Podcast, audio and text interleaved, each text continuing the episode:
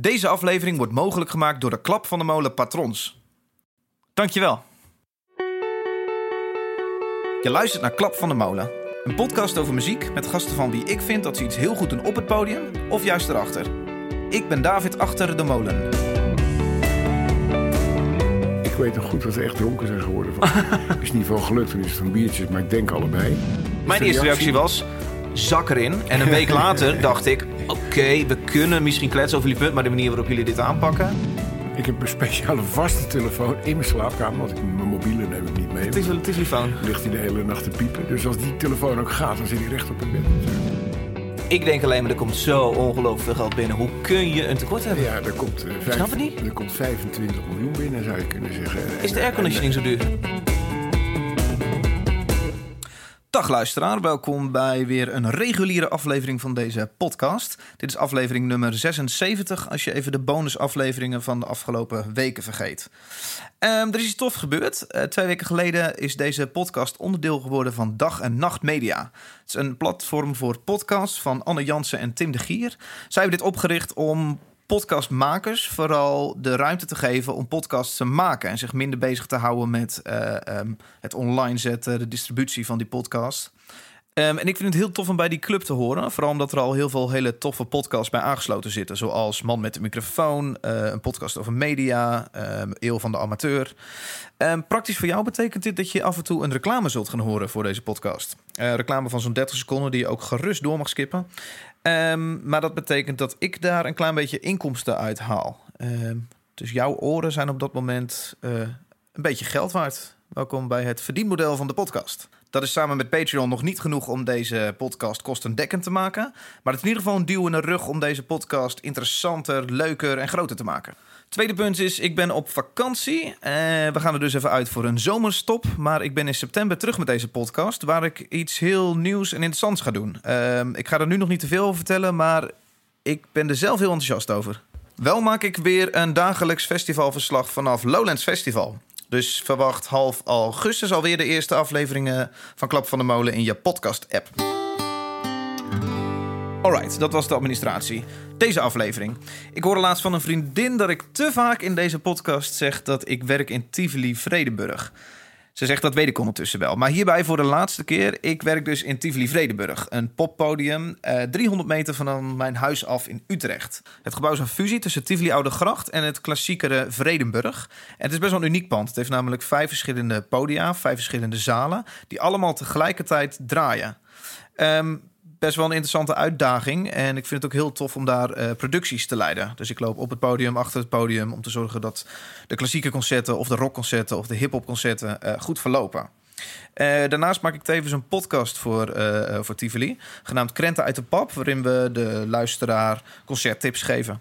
Nu gaat het goed met het pand. Er waren over de 1700 concerten vorig jaar. Er waren over de 1 miljoen bezoekers in een jaar tijd. Maar er waren ontzettend veel opstartproblemen. Ehm nou zijn er een hele hoop mensen verantwoordelijk voor het feit dat het uiteindelijk goed is gegaan in de eerste vier jaar. Maar uiteindelijk is er één iemand eindverantwoordelijk, namelijk de directeur, genaamd Frans Vreken. Ehm, hij heeft een taak die mij heel heftig lijkt. Voor Tivoli's podcast sprak ik in de kleedkamer van de Hertz met deze man, de directeur Frans Vreken. En hij vertelt me hoe het is als je altijd klaar moet staan voor je werk. Ontmoet Frans Vreken. Als enige eindverantwoordelijke kun je ieder moment gebeld Ja. worden met er is iets. eh, Ja, moet zeker. komen of... eh, Ja. En dat, eh, nou goed, ik, ik lig daar niet wakker van. Maar ik vind het ook niet erg om het weer even kwijt te zijn. En dan bijvoorbeeld 30 uur per week te gaan werken. Ik zie je naam zelfs wel eens staan bij de piketdienst. Als ik Eh, als stage ja, manager ik heb- werk, dan is er altijd een achterwacht van verantwoordelijke die je kan bellen. Mocht heleboel echt in de soep lopen. En dan staat zelfs wel eens Frans Vreken op. Als het echt crisis is, ja, dat hebben we verdeeld. dat ik s'nachts jou aan de lijn krijg in Met bed? z'n vijven, ja. Ik heb, speciaal, en ik heb een speciale vaste telefoon in mijn slaapkamer. Want ik, mijn mobiele neem ik niet mee. Het is een telefoon. ligt hij de hele nacht te piepen. Dus als die telefoon ook gaat, dan zit ik recht op in bed natuurlijk. En dat Ja. gebeurde eh, vorige week met, die, eh, met dat luik wat naar beneden kwam. Een ja, week ja. ervoor. Ja. Het luik, ja. Nee, maar goed, dat is... Ik heb nu, eh, weet ik het, 30 piketdiensten erop zitten. En ik ben nog nooit gebeld verder s'nachts. Dus het, gelukkig maar, want het meestal slecht nieuws. is. What do you do when you're no longer cool now? No longer the singer of the band. But your face is alright for the radio. Go fishing and drinking and listen to the show. This is the soundtrack for tequila. With the sun on your face and your pickup truck. Grab your moonshine and whiskey and fire up.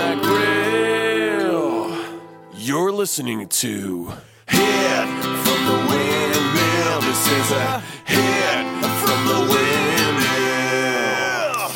Fuck yeah. Hey, ik vind het leuk om een beetje terug te kijken op de afgelopen Ja. jaren. Ik ook. En dan kunnen we het natuurlijk over een hele hoop hebben, zoals eh, vorig jaar winnaar van het eh IJzeren Ja. Podiumdier. We kunnen het hebben over de miljoen bezoekers die vorig jaar behaald zijn, de 1700 eh, concerten die we, of evenementen die we gehaald hebben. Ja. Maar laten we bij het begin beginnen. Eh, eh, een slechte start. Het gebouw bleek een stuk duurder dan gepland. Namelijk geen 96 miljoen euro, maar 156 miljoen euro. Waar men gedurende de bouw achterkwam. En daarna werd alles ook nog eens veel duurder. Door allerlei omstandigheden, zoals een geluidslek tussen de verschillende zalen. Je kon namelijk in de heads, als je heel goed luisterde, de ronda horen. Nou, we hebben inderdaad heel veel shit gehad. Viel het Frans tegen? Nee, het, ja, het is moeilijk om te zeggen, omdat ik me er nauwelijks... Nou ja, nauwelijks, ik kon er niet zoveel bij voorstellen. Het was zo mega groot. Veel, zoveel groter dan ik ooit gedaan had. Mijn grootste podium waar ik directeur geweest ben, was de Oosterpoort hiervoor. Samen met Stad Schouwburg. Ook redelijke. aardig Met bedrijf. ook meerdere zalen. Die hebben samen ook vier zalen. Eh, maar toch, ik denk dat ze daar eh, niet eh, de, in, in de duizend concerten voorstellingen. Ik denk dat het eerder rond de 500, 600 ligt dan. Ja. veel minder intensief. en eh, juist omdat het allemaal in één gebouw zit, ja, kon je van begin af aan de problemen eh, eh, zien aankomen. Ja, het is natuurlijk in eerste instantie problemen waar je geen invloed op hebt gehad. Een geluidslek, de bouw ben jij niet bij geweest. Je De, begro- begroting vooral, hè, dat was eigenlijk ons grootste probleem Ja. Tivoli Vredenburg gehuurd dit gebouw van de gemeente Utrecht. Wel krijg je dan dat je als organisatie direct heel veel omwonenden eh, Utrechters, belastingbetalers tegen je hebt. Want die zeggen, ja, dat Tivoli, Nou, daar zit wel een rare golf in. Het was, in de aanloop eh, was het eh, het voornaamste geluid. Wat een onzin, te groot voor Ja. Utrecht. Wat moeten we ermee? Kost te veel. Vanaf januari zijn we begonnen met rondleiding in 2014. Ja. En, en de eerste zondag joegen we al 3500 man door het pand, geloof ik. En die gingen allemaal naar buiten met... Wow, wat is dit mooi en gaaf en goed. En, en toen ging het in de pers ook eh, omslaan naar eh, trots en wat bijzonder. Maar ja, toen, eh, eh, toen ik begon, lag er een begroting. Ja, ze vroegen mij, wat vind je ervan? Ik zei, ik vind er niks van, want ik, ik kan dat nu niet beoordelen. Maar na twee, drie maanden zag ik al dat, eh, ja, kosten er totaal verkeerd of te laag in zaten. aha. En met name heel veel gebouwgebonden kosten. Eh, nou, dat heb ik in eerste instantie al mondeling eh, bij de gemeente neergelegd. Die zeiden van nou, kijk nog even goed, reken nog een keer. En, en ja, in augustus hebben we gewoon gezegd, ja, nu moeten we het gewoon echt goed uitschrijven waar de tekorten zitten. En toen kwamen wij al op een tekort van ongeveer 2 miljoen, eh, wat erbij zou moeten. Nou, dat, eh, dat leidde ertoe, dat moest natuurlijk naar de college, het college moest naar de gemeenteraad brengen, dat die hele positieve energie weer omsloeg in, zie je wel, het, oh god, een stuk. Maar hoe kun je een tekort hebben als je op zo'n A-locatie zit met vijf concertzalen? Elke bezoeker koopt een kaartje. Je hebt Ja. op een gegeven moment je miljoenste bezoeker al binnen. Ja. Ik denk alleen maar, er komt zo ongelooflijk veel geld binnen. Hoe kun je een tekort hebben? Ja, er komt, eh, vijf- snap het niet. er komt 25 miljoen binnen, zou je kunnen zeggen. En- Is de airconditioning zo duur? Nee, het gebouw is heel duur eh, qua huur. Dat is ook geconstateerd door de commissie die dat eh, twee jaar daarna heeft Ja, eh, de huur is verlaagd, of tenminste er is... En ja, qua personele bezetting was het gewoon... ik weet, wij vertrokken. En, en voor de expeditie was nooit iemand bedacht.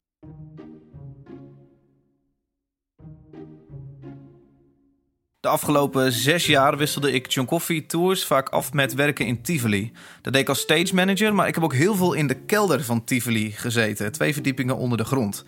Na een reeks concerten met John Coffee was het altijd een hele gekke gewaarwording. Namelijk de ene avond keivel herrie, stage dives, drank, feest, laat.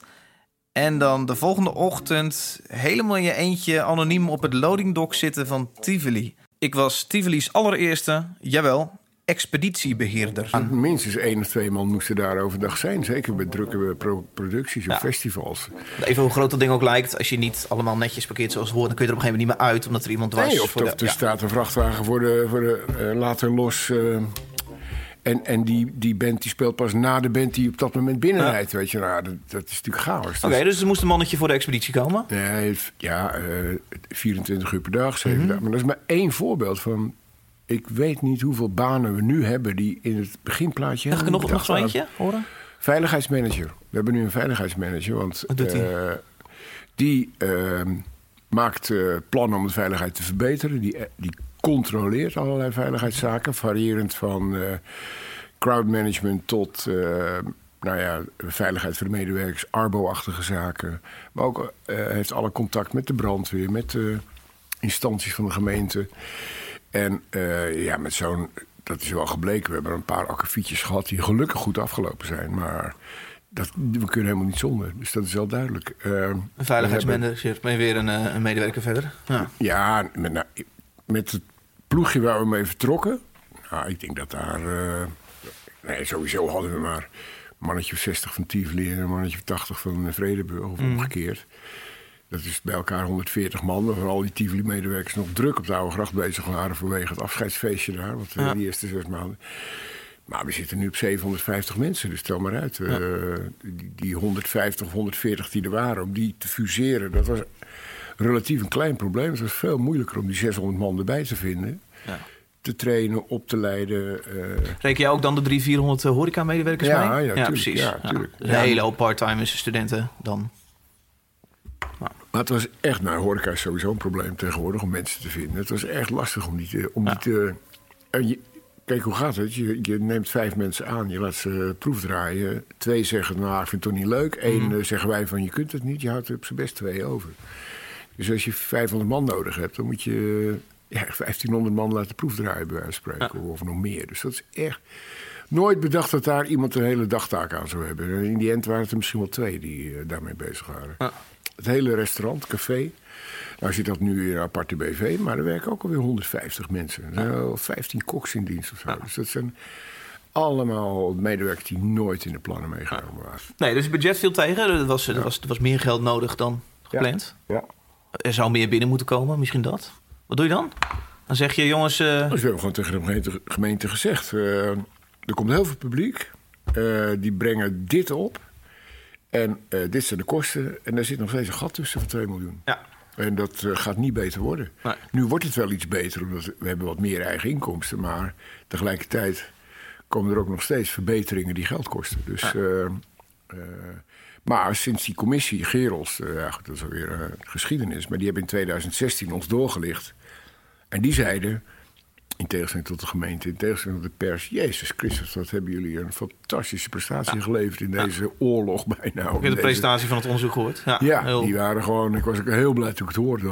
Eindelijk iemand met verstand van zaken die, die ziet wat wij doen, zou ik maar zeggen. Ja. En dat hadden velen met Het ons. vond niet lekker dat je alsnog dan, ook al loop je zo goed... en niet op jezelf draaiend bedrijf bent... en je hand op moet houden bij de gemeente. Ja. Ja, ja. eh, daar komen we weer. Wat hebben we over voor cultuur? Ik heb eens op internet gekeken wat voor definities het meest aan het woordje cultuur worden gehangen. En daar stuit ik het vaakst op het woordje kunst. Utrecht wil meer dan alleen de populairste pop-acts naar zijn stad halen. Het wil gekke, moderne jazzavonden, eh, klassieke concerten waar altijd geld bij moet, lezingen van wetenschappers. Maar dat zijn allemaal dingen waar niet direct winst op te maken is voor een bedrijf. cultuur kost gewoon geld. Er is een onderzoek geweest in de gemeente Utrecht naar de eh, kosten-batenanalyse van cultuur. En daar blijkt dat iedere euro die besteed wordt, daar komt 1,20 voor terug. Dus het is, het is niet zo dat het gewoon maar, eh, hoe zou ik het zeggen, speelgeld is. En dat dat verder... eh, Je kunt je überhaupt afvragen of, afvragen of het te onderzoeken is wat het effect van cultuur is. Nou, da- daar zijn ze al tientallen jaren mee bezig. En Gerard Marlet, die de Atlas voor Gemeenten schrijft, ja, ze gaat wel heel diep. Maar die, eh, die is daar al 10, 15 jaar mee bezig. En die hebben een heel gespecialiseerd onderzoek. Waar ze al die waardes ook eh optiewaarden... Nou, het, is, he- het is te veel om nu uit te leggen. Maar dat is echt eh hard onderzoek met harde uitkomsten. Nou, dat is wel snel uit te leggen. Gerard Malet deed een onderzoek naar de pegels die vanuit gemeenten naar cultuur gaan. En het geld dat vervolgens hieraan terugverdiend wordt. 50 gemeenten zijn onderzocht op woonaantrekkelijkheid, waarin allerlei kenmerken worden gemeten, gemeten, zoals een tuintje op het zuiden, maar dus ook het aanbod voor cultuur. Voor de liefhebber hierbij is voor een kwantitatieve onderzoeksmethode gekozen. Belangrijkste conclusies zijn dat in steden met een groter cultureel aanbod huizen meer waard zijn, inwoners meer geld uitgeven en bedrijven zich liever vestigen. Als discussiepunt geeft Gerard Malet wel aan dat er ook te veel cultuur kan zijn in de stad en de balans gevonden moet worden. Zo kun je je afvragen of een schouwburg in een heel klein dorpje nog kostenbatend is. Oké, eh, muziek. Ja, dit is inderdaad niet zo boeiend Ja, eh, droog. voor de gemiddelde luisteraar. Precies.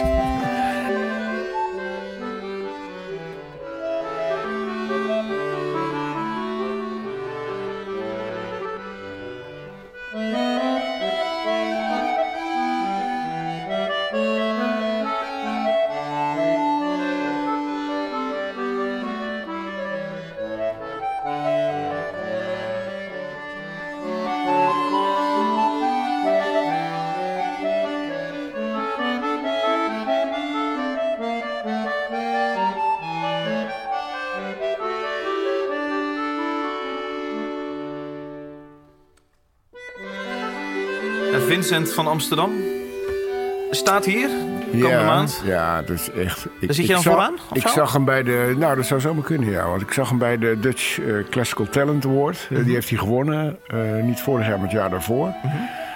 En eh, ja, hij stak met kop en schouders boven de andere mensen uit. Hij is zo'n fantastische accordeonist. En hij speelt Bach prachtig, maar hij speelt ook hele moderne stukken. En, Ah. Ik, vond hem echt virtuoos. En ik heb iets met accordeon. Mijn vader speelt accordeon. En schoonmoeder speelt accordeon bij meer zo van die geeft ze dat ding. En ze spelen, gewoon- ze spelen gewoon een moppie mee. Ja. Maar mijn broer, die, eh, mijn oudere broer, die is echt eh, op, op muziekles gegaan. Maar die ouders die deden het gewoon op, op talent of weet ik waarop. Die is echt les gegaan. En die kwam met Harry Moten thuis. Harry Moten, uh, oude accordeonist, die ook als eerste twee LP's met Bach had opgenomen. Toen dacht ik, fuck, je kunt veel meer met dat instrument. Toen ben ik daar weer echt in gegaan. Nou, ik zou niet zeggen verdiepen, maar ik had er wel veel eh, gevoel bij, bij die eh, trekzak. Ging ook in Amsterdam vaak naar Johnny Meijer. Dat was een- naast Harry Moten ook een geweldige accordeonist. Die speelde notabene, ja, het was te triest voor woorden. In de Shorts of Londen op het Rembrandtplein. Oké. naar de- waar iedereen met zijn rug naar het podium zat. Maar ik zat daar regelmatig bij het eerste tafeltje de hele avond. Want die speelde zo waanzinnig goed. eh. maar ja, het, het is toch een beetje ondergewaardeerd instrument, denk ik. Want, eh, dus die is ook helemaal aan de drank gegaan. Die is ook niet goed aan zijn einde gekomen. Maar ja, accordeon. Dus toen ik hem weer zag, dacht ik, god. Welke zaal staat hij? Hedge? Hij staat nergens. Oké, Ja, ja, ja. ja. Nee, dat is echt een aanrader voor mensen die eh, iets met accordeon hebben. Of, eh, ja, want het programma is heel gevarieerd, dus dat is ook leuk. Je krijgt niet alleen maar Bach of alleen maar klassiek. dus, Ja. eh, Klein stukje nog. tip nummer één. Ja.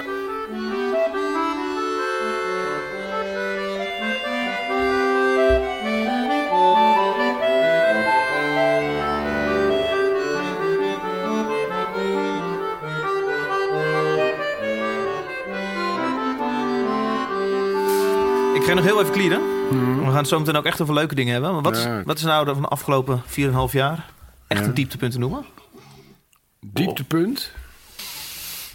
Ehm, ja, die eerste twee jaar. Die eerste tweeënhalf jaar moet je zeggen. Want pas in 30 juni, ik weet het nog goed, ik zat s s'nachts in de gemeenteraad. En daar werd, eh, werd het volledige advies van de commissie Geels overgenomen. Dat betekende voor ons 2,2 miljoen erbij. Ja. En eh, ja, afstand, ruimte voor Tivoli Vredenburg heet het rapport. Want de gemeente zat zo op onze nek, man. Dat ik gewoon, ik was bijna wekelijks op het stadhuis om weer uit te leggen. Ja. En weer ideeën. En goed ook, want dat is de functie. Hè? Een Tuurlijk, functie. tuurlijk, ze geven geld. Maar die commissie zei, ja, je kunt hem twee keer per week vragen... maar daar los je het probleem niet mee Nee. op. Het, het, kost die lui zoveel tijd om jullie eh, steeds bij te praten... terwijl ze gewoon heel goed bezig zijn. Dus geef ze nou wat ruimte, laat ze gaan. En, Ja. en blijkt ook wel, want nu... eh, ja, onze prestaties worden ieder jaar beter en eh, de resultaten ook. Dus vanaf vorig jaar hebben we ook gewoon zwarte cijfers gedraaid... en, en toch raar lopen willen we dat dit jaar niet weer doen. Ja. Dus eh, nee, dat, de eerste twee jaar waren echt heftig. Ook gaaf, want dan kun je ook eh, als, als podiumdokter eh, laten zien... eh, kom erop. Dan komt hij weer, die dokter. Ja. God, dat is allemaal, dat heb ik allemaal te danken Ik aan doe mijn Leonieke. Daalder. Ik doe mijn voorbereiding. Bots continu tegen de term er podiumdokter aan. ooit op internet komt, gaat er nooit meer af. Laat laat wat mij te binnen schoot, ik, heb, ik, natuurlijk, ik was ook bij de opening. ik was de dag dat we de sleutel kregen, liep ik hier ook binnen. Wat mij van de afgelopen 4,5 jaar is bijgebleven, is natuurlijk ook vooral... ehm wij hebben hier My First Festival. Mhm. Het thema een aantal jaren terug was Cowboys en Indianen. Ja, ja. Toen kwam er een actiegroep genaamd De Grauwe Eeuw. Die zei, eh, dit is verschrikkelijk dat jullie het doen. Jullie vieren een genocide. ja. Eh, maak er een feestje van. Oké, dit is wel een interessant verhaal. Er is namelijk een actiegroep genaamd de Grauwe Eeuw... die Tivoli ervan beschuldigde een genocidefeest te vieren. Nou, hebben ze misschien een punt dat je kan nadenken of het goed is om het verleden van cowboys en indianen eh, te gaan romantiseren. Maar de manier waarop was vooral echt heel bizar. En zij hebben meerdere gekke uitspraken laten gedaan over Sinterklaas doodschieten, et cetera. Het vreemde was alleen dat dit later, volgens mij een half jaar verder, opnieuw opeens een nieuwsitem werd, omdat Tivoli gezwicht zou zijn voor de Grauwe Eeuw. Wat was daar precies het verhaal? Het gebeurde in eh, mei of juni eh, dat dat kinderfestival er was. En toen kregen we meteen een reactie daarna van de Grauwe Eeuw. Dat kan niet. Ja. Toen heb ik gezegd, nou, ik had er eigenlijk niet zo bij nagedacht. Dom misschien. Het is inderdaad niet zo gelukkig gekozen, dat thema. Dat begrijp ik wel. Ehm, Ja, is Maar- dat, was dat je eerste reactie? Was mijn Want mijn eerste eerste reactie was zak erin. En een week later dacht ik, oké, we kunnen misschien kletsen over jullie punt, maar de manier waarop jullie dit aanpakken. nee, dus mijn eerste reactie was... eh, ik, ik inderdaad geef toe dat het niet gelukkig gekozen was... maar ik werp alle verdenkingen van racisme zo ver van me af. Daar ga ik niet eens over praten. Ja. En eh, that's it. Ja. En daarna heel veel pers en jongens, die twee dingen... is de enige twee dingen die ik erover zeg. En meer ga ik er niet over zeggen. Nou, toen ebde dat een beetje weg. Eh, zij gingen nog wel naar het Openbaar Ministerie... om een aanklacht in te dienen en eh, naar de politie. Ehm, en ze gingen, omdat wij weigerden om openlijk excuses aan te bieden... en openlijk werden wij... eh, werd er van ons geëist dat we alle ouders van de kinderen die op dat festival geweest waren... een brief zouden sturen met excuses voor de indoctrinatie van hun kinderen. Wel, zoiets van, joh, want jij noemt het zak erin. Ik ben gewend iets diplomatieker uit te Ze wilden een punt maken. Ze wilden een punt maken, nou. eh, dat, dat, maar dat ebde een beetje weg, omdat ze daarna nog een trapje hoger gingen... met een tekst over Sinterklaas eh, doodschieten bij de intocht in Drachten... en dat het bloed en het merg vooral op de kinderen moest spatten... waardoor het... eh, ja, nou ja, dat maak je jezelf natuurlijk wel erg ongeloofwaardig. Ja. Dus ik dacht, nou, prima. Alle aandacht daarop. Ze hadden ook nog de directeur van Rijkswaterstaat eh, persoonlijk bedreigd... omdat hij de Koentunnel niet van naam wilde veranderen. Ging maar door. laten we het zo noemen. Ging maar door. En toen... eh, maar ze gingen ook artiesten van ons eh, mailen van... Ja, bijvoorbeeld de reggae band, ik weet niet meer welke het was... Morgan Heritage of zo. Maar ja, jullie gaan toch niet in dat racistische bolwerk optreden? En dus wij kregen dan ook van agenten af en toe de vraag... nou, bij één of twee keer, wat is er aan de hand? Nou, dan legden we het uit en dan was het meteen goed. Maar totdat wij bij het eh, Faalfestival... In ieder geval, nee, nee, nee. eh, op Vrouwendag hadden we een programma met eh, columnisten die. eh, Vrouwendag, hadden- ja. Ja, en er was Nusra, eh hoe heet ze ook haar achternaam? Nou ja, een, een echt zo'n eh, opiniemaker. Haar naam is Anusha Natsume. Die hebben ze ook meteen, en, en heel erg over eh, white privilege eh, schrijft zij veel. En, dus die had, dus dacht, Grauweel dacht, nou, dat is er een van ons. Dus die heeft meteen gebeld van, joh, eh, jullie gaan toch, je gaat daar toch niet optreden? Nee. Dus die uh, twitterde ons, hallo Tivoli Vredenburg, eh, gaan jullie excuses aanbieden? Toen hebben we erop gebeld en gezegd, nee, we gaan geen excuses aanbieden, want dit is wat we erover gezegd hebben, staan we nog steeds achter klaar. Ja. Komt nooit, dat thema is nooit bedacht om het vaker te doen. Dus toen twitterde zij weer, Tivoli Vredenburg heeft excuses aangeboden, dus ik ga gewoon optreden. En dat was... eh, Dat was net het kronkeltje ja, waar dat heb het ik mee geleerd. Ja, wat we daarvan geleerd hebben is... als iemand je op Twitter aanvalt... moet je op Twitter, op Twitter je verdedigen. Want als je dat niet doet... Mm. Ja. en je doet dat telefonisch... dan eh, Kan het nog eens verdraaid worden? kan het verdraaid worden. Ja, precies. En toen, eh, ja, Toen met de Telegraaf, Viaduct, werd alles wakker. Toen kreeg ik de hele wereld over me heen. Toen kon ik het ook bij niemand meer goed doen.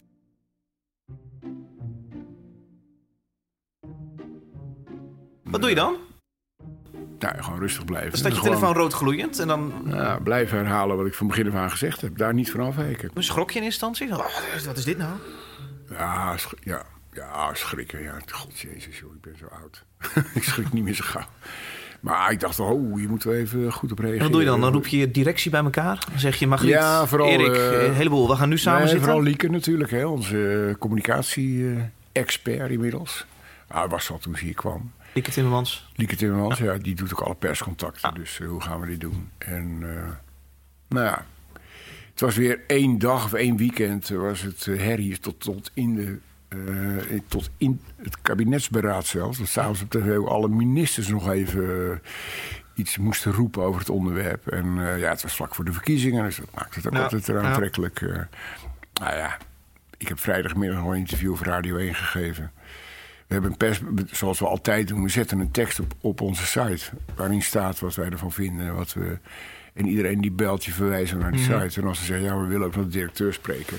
dan moeten ze gewoon hele goede argumenten hebben om mij te spreken. En anders Ja. moeten ze gewoon met die verklaring doen. En Ja. dat, en dat werkt goed. Een mailtje naar de medewerkers gaat er. Ik. Oh, jij, heb jij er ook een gekregen? Ja, maar gewoon... eh joh, Oh, vanuit de directie. krijgen, Ja. verwijs even hierheen. Ja. Weet je, enige wat in ieder geval niet helpt, is te veel zeggen. Mhm. en, en al helemaal niet uit te veel verschillende monden. Want dan, Nee. kijk, een beetje journalist, ik ben zelf ook geweest. eh blijf maar doorvragen in de hoop dat je op een gegeven moment toch iets loslaat wat je niet van plan was. Zeg maar. Ja. Dus, Ja.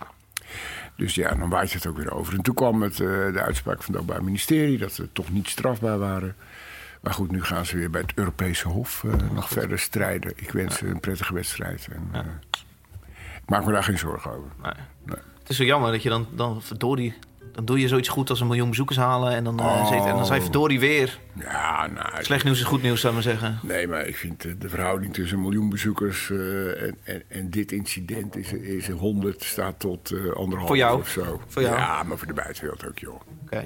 Ik denk toch niet dat er één bezoeker minder komt omdat ik. eh, Nee, maar ik denk dat er het, het nieuws van dit verhaal van de Grauwe Eeuw... meer bereik heeft gehad dan het nieuws. Ja, maar dan kijk ik maar of mijn naam goed gespeld is en dan ben ik toch weer blij met de publiciteit.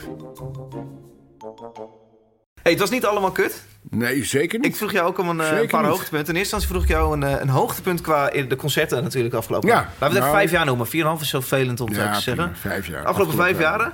En toen Ja. kwam jij er met eentje die ik natuurlijk niet verwacht had. En wat ik natuurlijk wel leuk vind. Zullen we Ja. eerst even een stukje draaien? En dan ben ik heel benieuwd naar je argumentatie. Helemaal goed.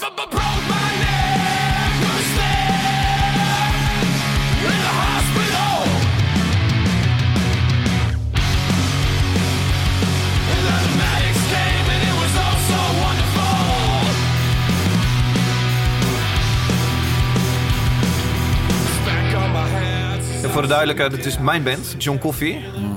Toen dacht ik, hou eens op met dat geslijm. En toen zei jij direct bij, nee, dit is niet om te slijmen. slijmen, nee. Het Dus ik ben heel benieuwd naar jou. Jij zei het concert op 14 of april, in april 2014. 2014. Ja, nou, ik weet niet hoeveel. Nee, misschien was het 5 april of Oké.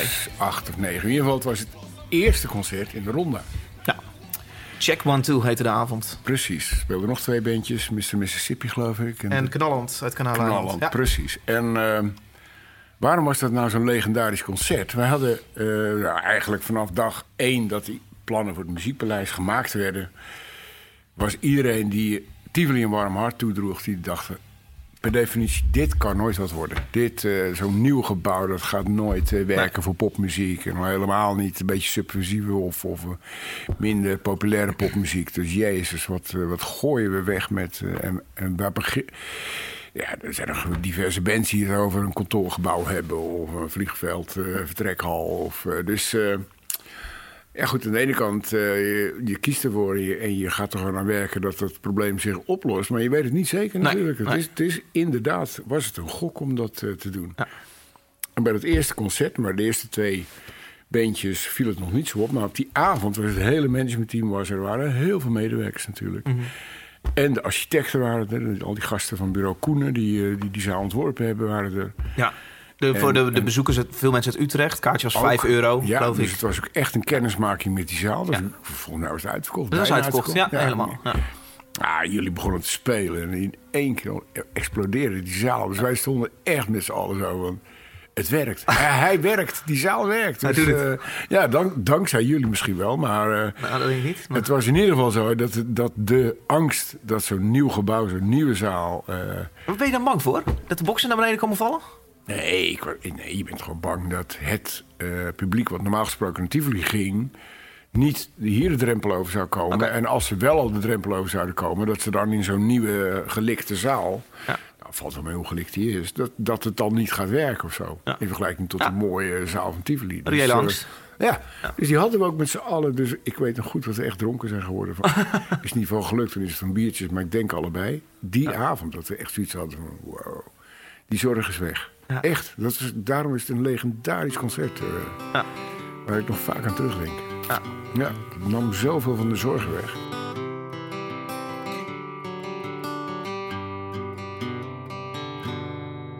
Vier jaar geleden, drie dagen voor de opening van het pand, zit Frans bij Radio 1. Daar wordt hem de vraag gesteld: wie droom je dat er zometeen in je pand komt spelen? The National of eh Beck of eh, ja. eh, Er zijn er wel een paar. Beck gaat lukken, ik voorspel het. Ik denk het ook, ja. Ik Dankjewel. Veel uh, succes morgen en in de komende maanden. Frans Vreken van uh, Tivoli Vredenburg. Morgen geopend in Utrecht. Niet gelukt?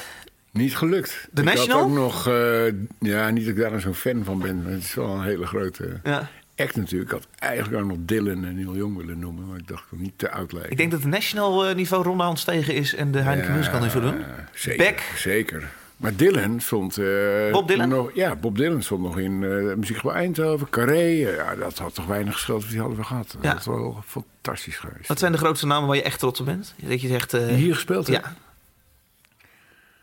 Oeh, dat zijn er zoveel, joh. Dat zijn er wel heel veel. En wat je nou, wat je nou te binnen schiet. Eh, poeh. Anders ga ik dingen noemen. Altijd eng, want dan vergeet ik natuurlijk weer hele grote namen. Ik, wat ik super vond, was het, was het concert van Nes. Die, die hip-hop eh, gast. Jezus, in zijn eentje op het podium. Oké. Legendarisch. Hij heeft heel lang op, op één gestaan. Nu begin ik al te twijfelen, ik heb nog een paar prachtige dingen gezien. Waarom verbaast het me Eh, telkens als jij iets anders zegt dan klassieke muziek? Is dat het gewoon de grijze haren die ik zie dat ik op een verkeerd nee, been word gezet? Ik kom, nee, dat komt gewoon omdat ik niet uit een klassiek nest kom. En Nee. ook tot eh, Tivoli Vredenburg altijd bij poppodia Ja, gewerkt heb. En in de popmuziek en in de jazz. Dus ik heb, maar achteraf, die afgelopen vijf jaar terugkijkend, heb ik denk ik minstens evenveel klassieke concerten, misschien wel meer dan popconcerten gezien. Ah. Eh, omdat ik het gewoon, eh, ja, ik ben het gewoon gaan waarderen. Ik, zal niet zeggen dat ik eh, geleerd heb hoe die wereld in elkaar steekt. En, en- maar ik heb fantastische dingen meegemaakt. Het Budapest Festival Orkest met. dat is denk ik in 2016 geweest. Ja, dat was een concert, joh. Het dak ging eraf. Eh, fantastisch. Maar ik heb zoveel mooie dingen gezien. Ook in die... Vaak ook openingsconcerten van het ICVU Festival... of van het Festival de Muziek. Of zo legendarische dingen bij. Ah. Maar grote namen in de pop, ja... eh Morrissey was wel een bijzonder Ah, ja. natuurlijk. Kraftwerk. Was eh, Morrissey degene die eh, zei ik wil eh, Geen vlees een dag lang geen vlees in dit hele pand niet? Nee, dat is Morrissey, ja. Die, wat heet ze? Ja, met hem zat te praten. En, eh, Hij is een jaar later de Grauwe Eeuw gestart, hè? Oh, is het zo? Nee. Dat, het lijkt erop, ja. Het, was ook, ja, het is ook echt bizar. Want, eh, ik weet niet of je daar bij het concert geweest bent, maar... Ik was aan het werk. Ik had zelfs een plakje worst tussen mijn brood eh, stiekem. dat zou ik misschien moet ik dit eruit knippen. Maar... Als je met hem staat te praten en je zegt... nou, ik heb net een broodje worst op, dan loopt hij al weg. Ja, dat wil hij helemaal niet horen. Hij is zo fanatiek. Maar, het was echt naar. Hij had allemaal van die vieze filmpjes uit uh, slachthuizen... achter, achter, die, uh, achter op het podium projecteerde. Die, die, uh, maar ik, ik, vond het wel legendarisch. Ja. Maar goed, ik zei al krachtwerk. Maar ook, uh, Jezus, Wilco, joh. Met uh, Le Guess Who. Twee Ja. avonden achter elkaar op de dag dat Trump gekozen was. Ja. Die mannen die waren helemaal... Met het hele eh, bos op het podium in de grote zaal. Ja, ik, ik weet... Nee, ja. eh, ze speelden de Er eerste avond... concerten gedaan die we De eerste avond speelden ze in de Ronda. Ja. En toen was dus die ochtend... En toen waren... Dat zeiden ze ook. Ze waren helemaal ontdaan dat die. Trump gekozen was. Eh, desondanks een geweldig concert. Ja, ik vind het ook een geweldig. Dat je wil zeggen, desondanks een geweldige president. Maar... Nee, nee, nee. nee. Ja, Geweldig concert, ja? Fantastisch concert. En de avond daarna openden ze Le Guess Who min of meer. Ja. Met een heel ander programma ook weer. Hè. Dus, jezus, die gasten die kunnen wat. Dus dat vond ik heel goed. Eh, nou, wat kan ik nog meer noemen? Ik zou toch eigenlijk ook iets Nederlands moeten noemen. Ja. Ik, eh, ik heb jullie al genoemd. Maar, Ja. eh, iets wat... Ja, nou, het is meteen een tip voor het komende seizoen. Mijn de Talma. Voor de komende maand. Mijn de Talma. Mijn de Talma. Inderdaad, ja. Ja, ja ik, ik ben dol op die gast. Hij trekt eh, gemiddeld eh, 80 mensen, 100 mensen naar een concert. Misschien in Friesland wel meer. Maar, Zullen we een heel klein stukje doen anders? ja, leuk, leuk. Het zaal ligt doof, de muziek gaat uit. De band komt op onder groot gejuich. Een korte groet, dan wordt er afgetikt. Dit is wat hij altijd heeft gewild. Zijn hart bonst, zijn brein ziet. Hamer op de piano en zing het lied. Alle zalen, alle mensen. Alle verhalen, alle wensen. Mensen in de zaal staan, die de geluidsgolven door de ruimte horen gaan. Oh, gitaar, zang, orgel en piano. Drum, bas, gitaar, zang, orgel en piano. Het is het allemaal met het nummer drum, bas, gitaar, zang, orgel en piano. Ja, vroeger was het mijn Talma en de Negroes, zo noemde hij zijn band. We Ah, are the Negroes, dat is ook zo'n geweldig nummer. Maar eh, ja, hij schrijft een geweldig boek. Hij is echt een taalkunstenaar. Ja. En het is gewoon een soort anti-performer, want hij zit daar achter het orgeltje. En ja, eh, hij heeft verder niets van show of, of, of ja, eh, ja, gewoon heel puur, zeg maar. En, en ik heb nog een extra zwakte bij, omdat de bassisten en de drummer, dat zijn Jan Pier en Janke. Dat, eh, Jan Pier is inmiddels directeur van Worm en Janke was in, eh, bij Noorderslag toen ik daar directeur was, mijn eh, persoonlijke assistent. Ja, dat was gewoon een geweldige samenwerking. Dus ik hield al van die band. Toen later hoorde ik dat zij in die band speelden. Dus sindsdien ben ik nog meer fan. Nee, wist ik niet, nee. nee ik had die, die muziek wel gehoord. Ik had ook een cd'tje van ze, maar nooit goed gekeken wie erin speelde. Dus op een gegeven moment vertelden ze dat. En dacht ik, nou, nou kan het helemaal niet meer stuk. Eh. Dus ik ga zeker kijken die avond. eh. Ja. De laatste tip die jij geeft, die, ik moet ze allemaal meenemen, is eh, de Eels. Iels, ja. Jezus, dat is... eh, wat een held is dat. Zo weer een klassieketje dan, hè? Ja, dat is ook een hoogtepunt, hoor. Ja. Godverdomme. Ja, man, die gast is zo goed.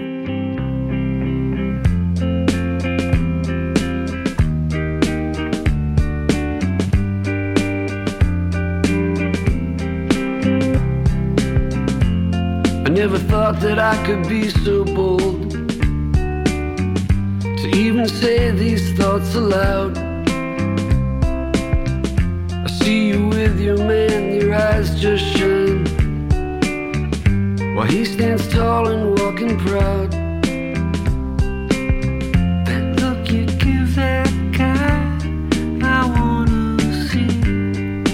Looking right at me.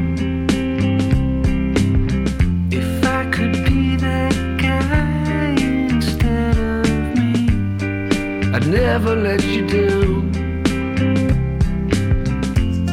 It always seems like you're going somewhere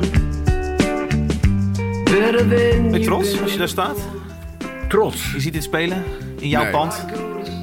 Nee, ik vind wel altijd alles wat in ons pand is beter dan wat er in een ander pand is. Zo ben ik wel ingesteld. Maar trots, ja. Nee, dat vind ik, Kom ik vind nou. trots sowieso een moeilijk woord. Ik bedoel, eh, ja, ik- nee, ik, ik bedoel... We gaan nu toch niet een negatieve lading aan het woord Nee, trots geven? nee, helemaal niet. Maar ik vind het zo'n moeilijk begrip, trots. Je hebt vijf jaar hard gewerkt in dit pand. Ja, Echt zweet. ja, en dan staat het er. Maar dat heb ik toch niet alleen gedaan, dat heb ik met z'n allen gedaan. Nee. Ik, moest, ik bedoel, je kunt een directeur ook als een soort trainer zien. Nou, Dick Advocaat is toch eh, een behoorlijk goede trainer. Ik denk dat hij trots is als hij wint. Maar die degradeert ook met Sparta. Dus als dat team niet goed is, dan kun je nog zo'n goede trainer zijn. Degradeer je toch naar die Jupiler Een politiek correct antwoord hier. Nee, vind ik helemaal niet. Nee. Maar natuurlijk ben jij trots als je hier rondloopt. Zit hier in de kleedkamer van de ja. Ziet er prachtig uit, aan een vleugel. Kijk uit over de stad. Nee, het is, ja, het is natuurlijk een fantastisch pand. En, we- en we hebben Ik ben zelf trots. zoveel mogelijkheden. Ja, oké. Ja.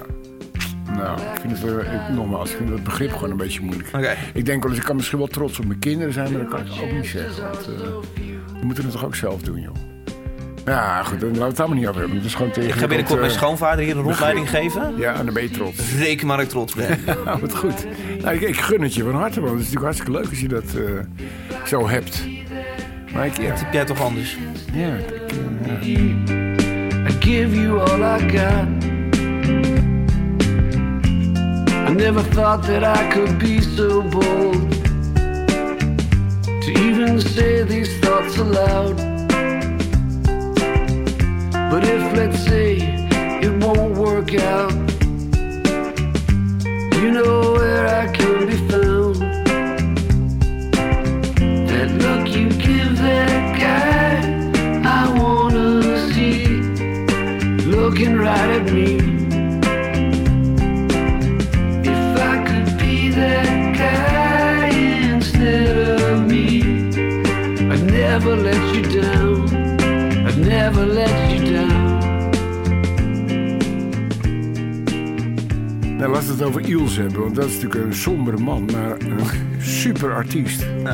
Die ik weet niet hoeveel cd's gemaakt. Ik, ik, de eerste cd die vond ik al geweldig. En daarna heb ik alles gekocht dat hij gemaakt heeft. En iedere trip naar Zuid-Frankrijk eh, of, of waarheen met de familie eh, werd het gedraaid. En de kinderen zijn inmiddels ook allemaal fan. Ja.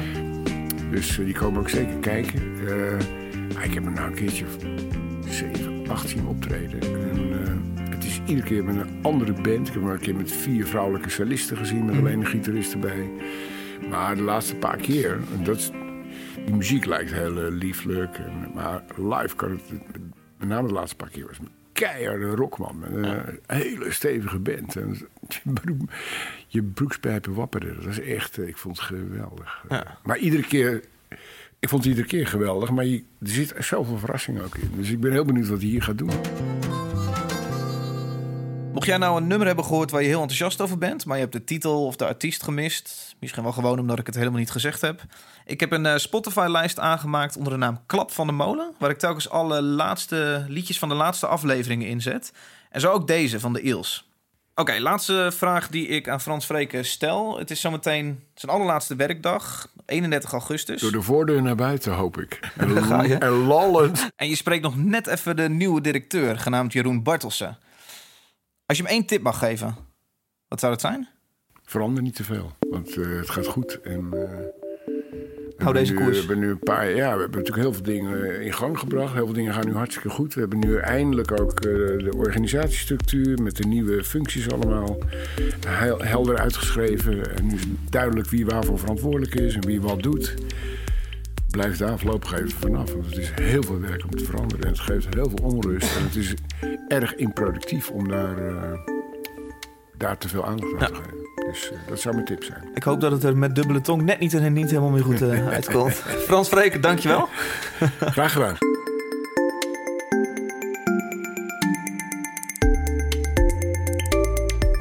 Vond je dit een toffe aflevering? Post er dan vooral over op social media. Daar hoop je mij het meeste mee. Klap van de Molen is te volgen op Facebook en op Instagram, waar ik per aflevering erg druk ben met Instagram Stories. Om iedereen te vertellen dat er nu echt weer een leuke aflevering klaar staat. Mocht je Twitter meer gebruiken, kun je mij @davidadmolen het beste persoonlijk volgen om op de hoogte te zijn en om Twittervragen in te dienen voor een gast. Laat vooral ook even een toffe review achter voor deze podcast in je app. Er is voor makers niks zo leuk als een goede review lezen over hun harde werk. Alright, dat was hem. Mijn laatste voice-over. Um, ik ga op vakantie naar de Zakynthos. Ik zie jou op Lowlands. Doeg!